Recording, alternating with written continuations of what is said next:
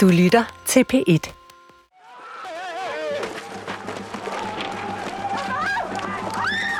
Jeg tror, når man ser tilbage, så skal man forstå, at COP15, det var bare en splittelsens tid i Danmark. Selvfølgelig vidste vi, at politiet ville slå på os. Selvfølgelig vidste vi, at de ville sprøjte os med peberspray. Selvfølgelig vidste vi, at de ikke bare træder til side og lader os gå igennem. Men vi vidste også godt, at vi ville ikke være voldelige.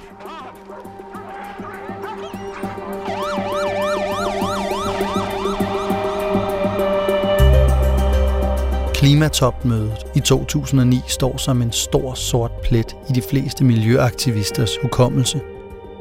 Politikere fra alle steder i verden er samlet i København for at løse klodens klimaproblemer, og mange har store forventninger.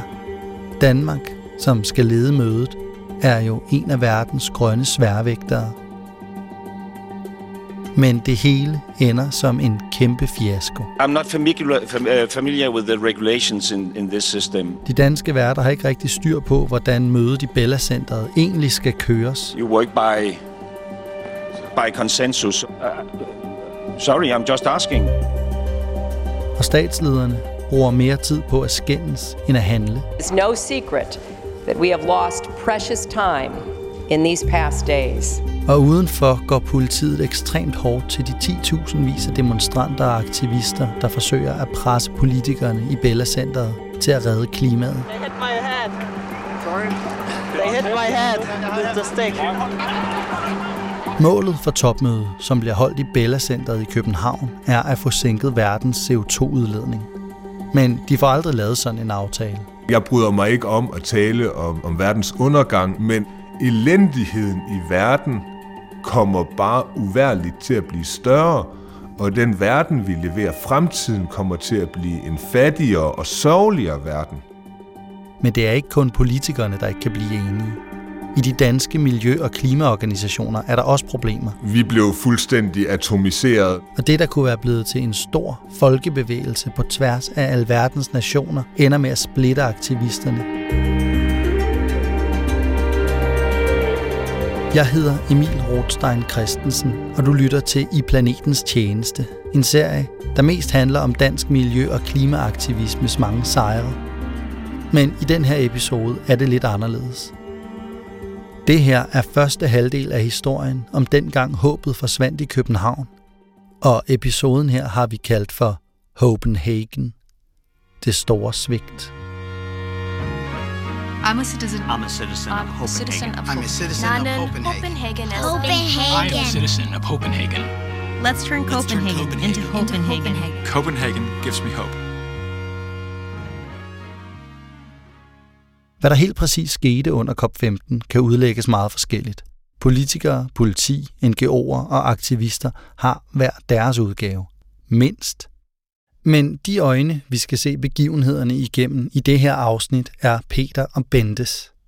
De begge to klimaaktivister og deltog i noget af den mere konfronterende civile ulydighed, som fandt sted under topmødet. Jeg hedder Peter, jeg er 35 år, og jeg er bager. Og øhm, så har jeg arbejdet med, med klima siden midten af nullerne, omkring 2005-2006 begynder jeg at arbejde rigtig meget med det. Jeg hedder Bente Hesselund, og jeg er aktiv i Miljøbevægelsen NOA og har været det de sidste 25 år. NOA er den organisation, som 40 år tidligere har startet den danske miljøbevægelse med bål og brand. Og igennem NOA har Bente været med til nogle af de tidligere klimatopmøder rundt omkring i verden. Men det har ikke været nogen succes. Det er virkelig forvirrende. Det er meget svært at trænge igennem med de budskaber, man har. Og før øh, COP15 i København var jeg helt sikker på, at det, det havde jeg slet ikke lyst til at, at deltage indefra. Men til gengæld havde jeg meget mere lyst til at være med til at organisere noget udefra. Bente melder sig ind i en gruppe, der kalder sig Klimakollektivet. Og de er sammen med en masse andre organisationer med i det store internationale netværk Climate Justice Action. De fokuserer på det, de kalder klimaretfærdighed, hvor man kæmper for de ofte meget fattige folkeslag og samfund, som allerede bliver og også i fremtiden vil blive hårdt ramt af klimaforandringerne.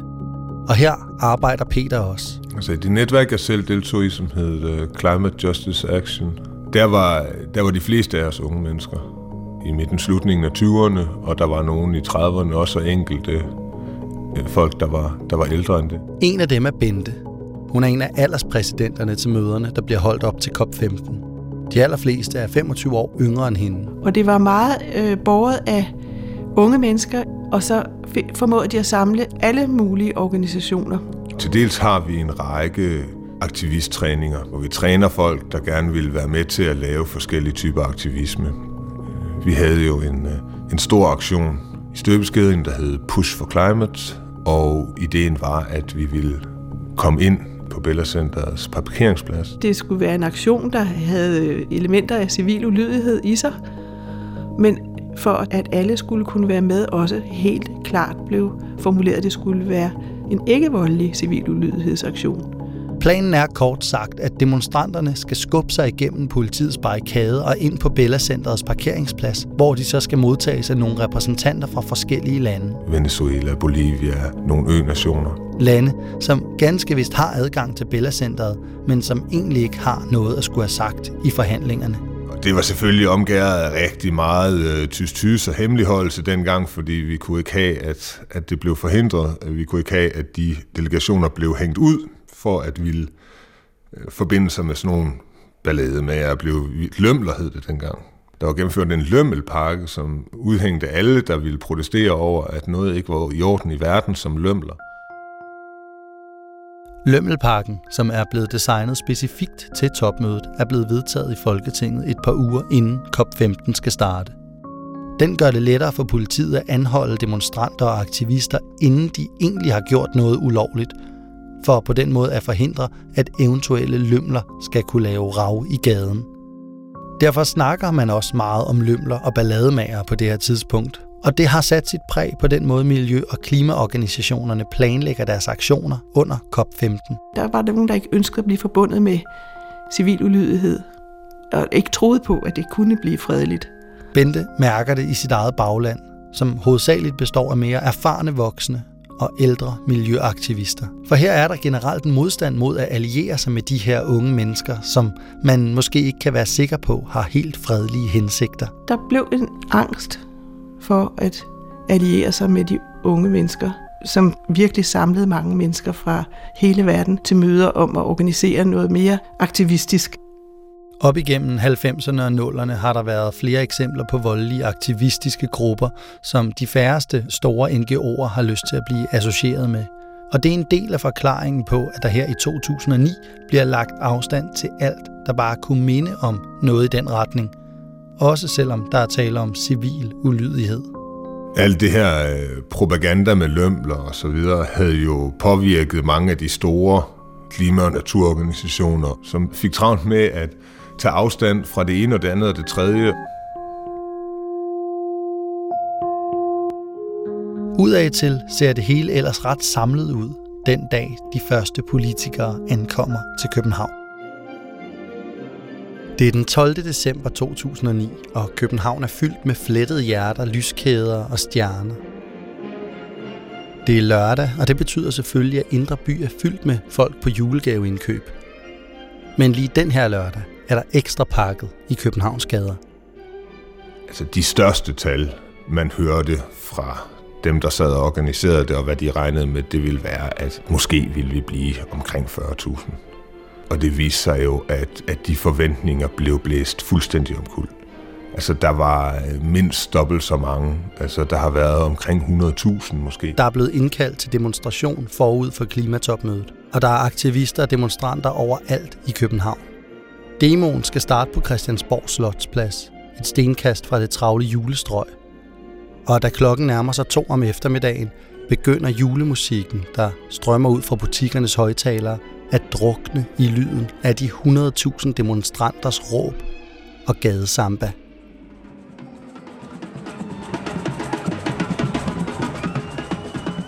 Det er folk fra hele verden, som har forenet sig her for i samlet flok at gå i kamp for en bedre fremtid. Så måske kan de forskellige fløje i klimabevægelsen også lægge stridsøkserne fra sig nu, hvor det virkelig gælder. Helene Hansen, som er på gaden for Greenpeace, er i hvert fald meget positiv. Jeg har været på pladsen i mange timer og ser den langsomt blive fyldt op øh, af folk, og til sidst jo så meget, at man ikke kan rykke sig frem og tilbage længere. For mig er det, er det mind-blowing. Det er, jeg, jeg er enormt rørt. Jeg bliver virkelig rørt over det, og jeg tænker, jeg har en sådan forløsningsfølelse af, at okay, okay, nu rykker vi, nu gør vi, nu gør vi, nu er vi sammen. Og Peter, som ellers ikke tager glæderne på forskud særligt tit, føler også, at der er et folkeligt gennembrud her. Jeg havde på alle måder forhåbninger, ikke til topmødet, men, men til protesterne mod det. Øh, Det var en fantastisk øh, begivenhed, og det er jo, tror en af de allerstørste demonstrationer i Danmarks historie. Den helt store øh, masse, øh, masse demo, der er under COP15 her i København, er sådan et lyspunkt, og jeg tror, det bliver en, øh, et slags vendepunkt for danskerne i hvert fald. Så mange mennesker går på gaden på én gang for at give en besked til, til magthaverne. Men pludselig bliver den gode stemning ødelagt. Det er ikke alle, der opdager det lige med det samme. Den store demo øh, slutter jo meget forskelligt for mange mennesker. Det er jo også en af de største øh, masseanholdelser, der har været nogensinde. Og jeg ved først, hvordan det... Altså hele efterspillet kommer også først til mig som et efterspil. Jeg er slet ikke klar over, hvor, hvor, hvor, hvor voldsomt det har været. Politiet har kort forinden opløst en demonstration ved Højbro Plads, der primært består af folk, som ikke har tænkt sig at nøjes med at danse og råbe. De er maskerede, og de har gravet brosten op. Nogle af de her voldelige demonstranter har faktisk været med til nogle af møderne hos Climate Justice Action. Men de er efterhånden blevet isoleret, fordi de ikke ville holde sig til fredelig aktivisme. Det var ikke noget, der repræsenterede særlig mange i de forberedelsesmøder, vi havde haft. Det, var, det repræsenterede øh, forsvindende mindretal Så de har i stedet for samlet sig under navnet Never Trust a Cop. med et vidigt ordspil på det engelske ord for betjent, og så COP-topmødet. Og de havde erklæret, at, øh, at der skulle laves øh, noget ballade, og der skulle være så meget uorden i gaderne som muligt, således at, at det ville forstyrre topmødet. Og nu har politiet altså presset folkene fra de to demoer til at gå sammen. Og det ender galt. Der skete jo det, som mange måske nok vil huske, at politiet havde taget opstillinger i to sidegader til Amagerbrogade, og var på et tidspunkt i stand til at, at løbe frem og med, med biler og mandskab blokere to ender af demoen og ligesom tage en, en hel blok, der så var fanget mellem de sidegader, og tage dem til fange. Ikke? Så jeg så, at der var øh, nogle folk, der prøvede at lave ballade i demonstrationen, men det var nogen, der var foran os. Og dem, der blev anholdt, de var bag ved os. Mange hundrede mennesker bliver anholdt og sat på den kolde decemberasfalt i flere timer. Og det vækker en del opsigt, fordi der også er blevet anholdt både Hare Krishna-munke og nonner, der normalt i hvert fald ligger meget lavt på fareskalaen. Det var bizarrt. Politiet sagde, at folk var sortklædte. Det, altså går man rundt i Danmark i december, så vil man se, at enormt mange mennesker de går rundt i sort tøj, og, øh, og sådan ser alting ud i det her land. Jeg synes, at det var uhyggeligt øh, frem, frembusende. Jeg synes, det var sørgeligt at se, at de øh, havde så lidt is i maven. Og det tror jeg hang sammen med, at der var sådan... Nogen havde ligesom pisket en stemning noget op, ikke? Man kunne jo kigge tilbage og se, hvad det var for nogle mennesker, der stod, til, stod forvirret tilbage, og se, hvordan de så ligesom langsomt begyndte at blive systematisk blev sat i kæder. Og så får man sådan nogle plastikstrips på, på hænderne, og så bliver det, fordi det er billigere end håndjern, og så kan man så sidde der i en lang, lang, lang række, det der øh, kaldes et futtog i politishoppen. Og jeg fik travlt med at prøve at få fat i, i folk i andre dele af demonstrationen og få dem til at vende om, og det, det kunne simpelthen ikke lade sig gøre. Altså demonstrationen var for stor, og os, der var i vores blok, vi arrangerede øh, sang og trommer og, og gjorde forskellige ting for at holde modet op hos de, øh, de stakkels mennesker, der sad der på gaden. 300-400 aktivister er anholdt under dagens klimademonstration. Politiet greb ind over for aktivisterne omkring klokken halv fire, da der opstod ballade i menneskemængden, fortæller Københavns politis talsmand Rasmus Skovskov. De samler sig, og 20 minutter i tre konstaterer vi, at man maskerer sig, man kaster med sten, og man knuser ruder, og det har så gjort, at politiet har valgt øh, tid og sted her ved Amagerbrogade og har foretaget de her øh, præventive anholdelser. Efterforskningen vil så vise, hvorvidt vi kan, øh, nogle af dem kan føre til en af strafsager. Da dagen er omme, er 968 demonstranter blevet anholdt, og de fleste er blevet sendt ud i det såkaldte klimafængsel. Selvom det kun er fire af de her næsten 1000 mennesker, der ender med at blive sigtet for noget. Et par år senere bliver politiet faktisk dømt for at have tilbageholdt de her fredelige demonstranter, og de bliver også pålagt at betale en erstatning til alle af de tilbageholdte personer, som beder om det. Klimafængslet ligner lidt et hundeinternat med buer af hønsenet. Og det kommer Helene fra Greenpeace, der på det her tidspunkt ikke aner, hvad der sker bag ved hende i demoen, til at opleve indefra nogle dage senere. Jeg, jeg bliver ikke selv anholdt den dag. For mig slutter det egentlig bare med, at, at vi når ud til Bellacenteret, vi får sunget vores sange og råbt vores slagord, og så tager folk hjem. Men det er jo også en del af hele den her rusjebane, at man, der, der er kæmpe optur på, okay, befolkningen er med os, øh, nu er vi samlet, vi gør det her, og, og som, som bare ikke bliver bakket op af, af handling fra dem, der har mulighed for at handle. Peter og Bente bliver ikke anholdt, men de er rystet over politiets metoder. Hvad der gør mere ondt på dem er, at de store organisationer og politiske partier, som også går med i demoen, ikke reagerer, da de prøver at få dem til at vende om i solidaritet med de uskyldige mennesker, der sidder på jorden med hænderne stripset fast på ryggen. Politiets fremfærd, det er en ting, og den var højst kritisabel. Men fortroppen sørgede ikke for at få bagtroppen med. Og det, det synes jeg på en måde også, man må lære noget af, ikke? Hvis vi skal holde sammen, så skal vi også passe på hinanden. Det at opleve, at, at jeg synes, at vi var alene med den alvorlige situation, det, det, var, det blev et, et, et dybt traume for mig, der jagede mig i mange år. Det er med meget blandede følelser, at aktivisterne fra Climate Justice Action forlader den store demonstration den 12. december. Mit håb var, at den danske venstrefløj øh, og de danske sociale bevægelser, de danske fagforeninger, landbrugsbevægelser, naturbevægelser, ville stille sig øh, forrest med de folk, der blev mest udsat for konsekvenserne af de forandringer, vi ser.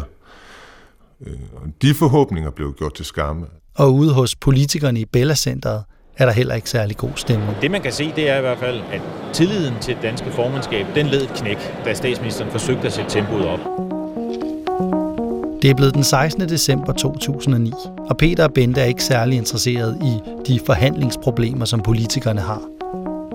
De er meget mere fokuseret på den store Push for Climate Justice aktion, som skal foregå samme dag. Det den aktion handlede om, det var, at den skulle udstille hulheden i de forhandlinger, der foregik, og så samtidig prøve at vise, at vi kunne mødes indefra og udefra med nogle helt andre krav.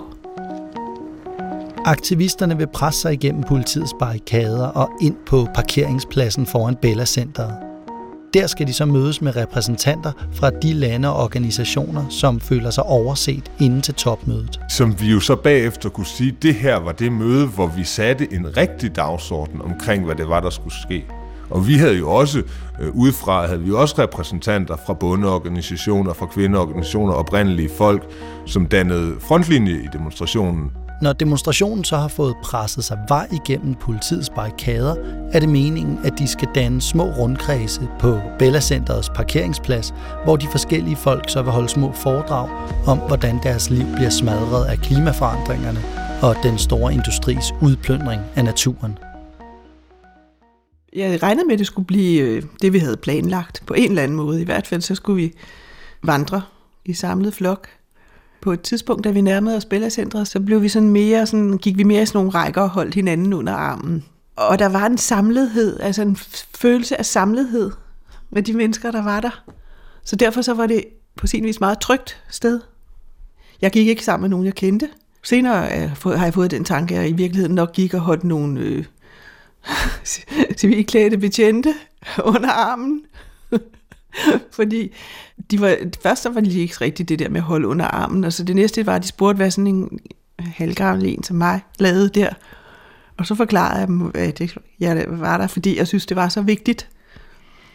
Så først bagefter tænkte jeg, hmm, var de egentlig demonstranter ligesom mig, eller hvad var de for nogen?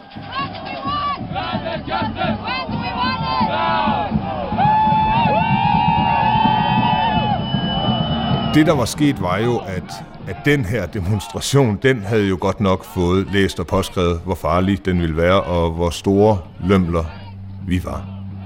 På et tidspunkt, så var der det der med, at vi skulle prøve at komme igennem.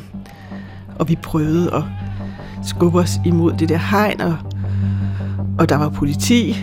Samtidig var der jo ikke, var der i hvert fald i min oplevelse, var vi jo ikke nok. Altså hvis vi havde været 10.000, så havde politiet skulle nok sagt, ved I hvad, I kan få et eller andet lille hjørne inde på, på parkeringspladsen, fordi så får vi en eller anden øh, form for kompromis, men i stedet for, så satte politiet jo hårdt mod hårdt. Altså da vi prøvede at, at, at presse os igennem, så, øh, så fik vi nogle tæsk.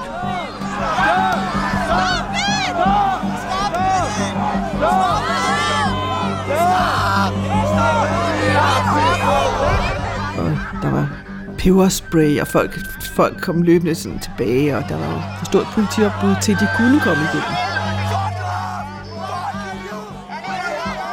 Selvfølgelig var der et element af civil ulydighed i og med, at vi ønskede at presse os ind igennem afspærringerne udenom Bellacentret. Men vi ville ikke, vi ville ikke gøre det på en voldelig måde. De gav os nogle stry, og de anholdte vores, øh, vores valgte repræsentanter. De valgte repræsentanter, Peter taler om, er to kvinder, der står på en lastbil og råber slagord ud over et højtaleranlæg. De blev anholdt for at, at være dem, der råbte skub ind i en mikrofon, mens alle andre råbte skub ned på vejen. De to frontfigurer i aktivistgruppen Climate Justice Action blev i dag fængslet i syv dage frem til den 23. december. De to kvinder bliver senere dømt til to måneders fængsel for at have opfordret til vold mod politiet. Det vi gjorde, da de her mennesker blev anholdt, og, og det så ud som om, at det ville bryde fuldstændig sammen, var for ikke at få et, et totalt nederlag, øh, og dem skal man jo altid passe på med, så afholdt vi et møde ude på vejen, hvor, hvor vi lod de mennesker, vi havde, øh, der var gået med i vores demonstration, holde deres indlæg og fortælle deres historier, i det mindste for os, der var øh, gået med. Øh, jeg får så at vide i den forbindelse, at ikke blot er vores, vores venner på, på vognen blevet anholdt i løbet af det her. Øh, en anden, der var en del af vores, vores pressegruppe, var blevet anholdt om morgenen af politiet, der hvor han sov, øh, før han kunne deltage. Peter og nogle af de andre frontfigurer begynder at se et mønster i anholdelserne, og de er bange for, at de selv vil blive de næste. Vi gjorde simpelthen det, at vi, vi skiftede tøj flere gange i løbet af, af turen tilbage ind til København. Øh, sådan at, at vi ikke havde let genkendeligt tøj på, så vi, jeg tror, jeg skiftede tøj fire gange. Så ringer jeg også til et par gode venner og siger, øh, indtil det her topmøde det er over, så er jeg, øh, så er jeg under jorden. Jeg var bange for, hvad konsekvenserne ville være af det arbejde, jeg lavede. Og jeg var alvorligt bange for, at der ikke var nogen andre organisationer, der havde vores ryg. Og så gemte jeg mig, hvor der ikke var nogen, der vidste, hvor jeg var. Imens Peter gemmer sig, fortsætter forhandlingerne i Bella Centeret med at smuldre i hænderne på verdens toppolitikere. Det her topmøde har udviklet sig til en diplomatisk krig mellem Kina og USA uden fortilfælde. Er det et julemirakel, der er brug for? Jeg ved ikke, om vi ligefrem skal turde tro på mirakler her. Det tror jeg ikke så meget på. Jeg tror ret meget mere på, at det er hårdt arbejde og vilje til kompromis. Peter viser sig først igen, da alle politikerne er taget hjem, og København igen er stille. Hvad sker der med mig? Jeg, jeg kommer jo ud af min, øh, min undergrundstilværelse. Men jeg var deprimeret. Dybt deprimeret. Jeg lå i et halvt år og kiggede ind i en væg. Topmødet var brudt sammen, og jeg havde brugt en temmelig stor del af, af mit liv på at forberede det her nu, og, og der var ikke kommet noget ud af det, og det blev for meget. Altså, min gamle person forsvandt i min skuffelse og over, hvad der fandt sted, og hvordan jeg følte, følte, at vi var blevet forladt og ignoreret og forhånet. Jeg er fuldstændig flad efter klimatopmødet, og egentlig sådan meget nedtrykt. Altså, det har været sådan en hård tid, og der har været den splittelse. Den har været meget opslidende og ærgerlig, og alle, på alle måder sådan Hvor lang tid gik der, før du var sådan oppe i omdrejninger igen? Nå, jeg tror, der, der, gik, der gik over. Hvad, hvornår er man i omdrejninger, ikke? Er du det nu? Ja, det synes jeg, jeg er. Jeg har lagt det bag mig. Men det gik nok nogle år. Men Bente fortryder ikke, at hun tilsluttede sig de mange unge, og at hun var med i klimaaktioner med civil ulydighed. Fredelig civil ulydighed kan jeg ikke se, at vi kan undgå. Det kan godt være, at det provokerer mange, men det, jeg tror også, det giver en indsigt i, at der faktisk sker noget, vi ikke ønsker skal ske, og det bliver ved med at ske. Også selvom hun ikke ser sig selv som en aktivist på den måde i dag. Jeg har et, et liv, hvor det ikke det passer ikke rigtigt til mig, den form for aktion. Men hvis det gjorde, så ville jeg lave civil ulydighed imod de danske kraftværmeværker, der kører på biomasse. Altså, der, jeg synes, det ville være virkelig godt, hvis nogen ville gøre opmærksom på, hvor uheldigt det er. Peter tror også stadig på, at det han arbejdede for for 10 år siden stadig er det rigtige.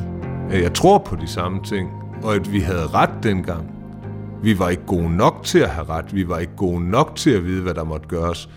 Vi var ikke stærke nok til at vinde. Men vi havde ret i det, vi gjorde. Efter push-aktionen den 16. december 2009 er Peter og Bente praktisk talt ude af COP15-kaoset.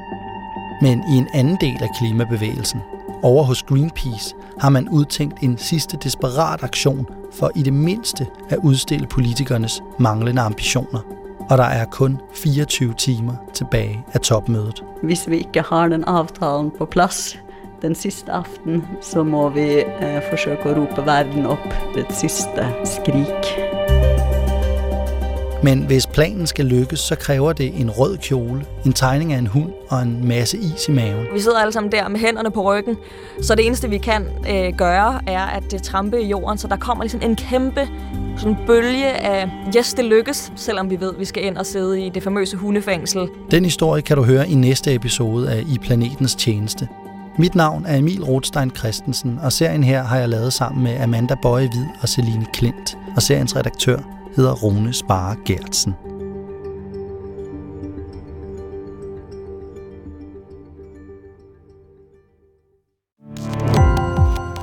Gå på opdagelse i alle DR's podcast og radioprogrammer. I appen DR Lyd.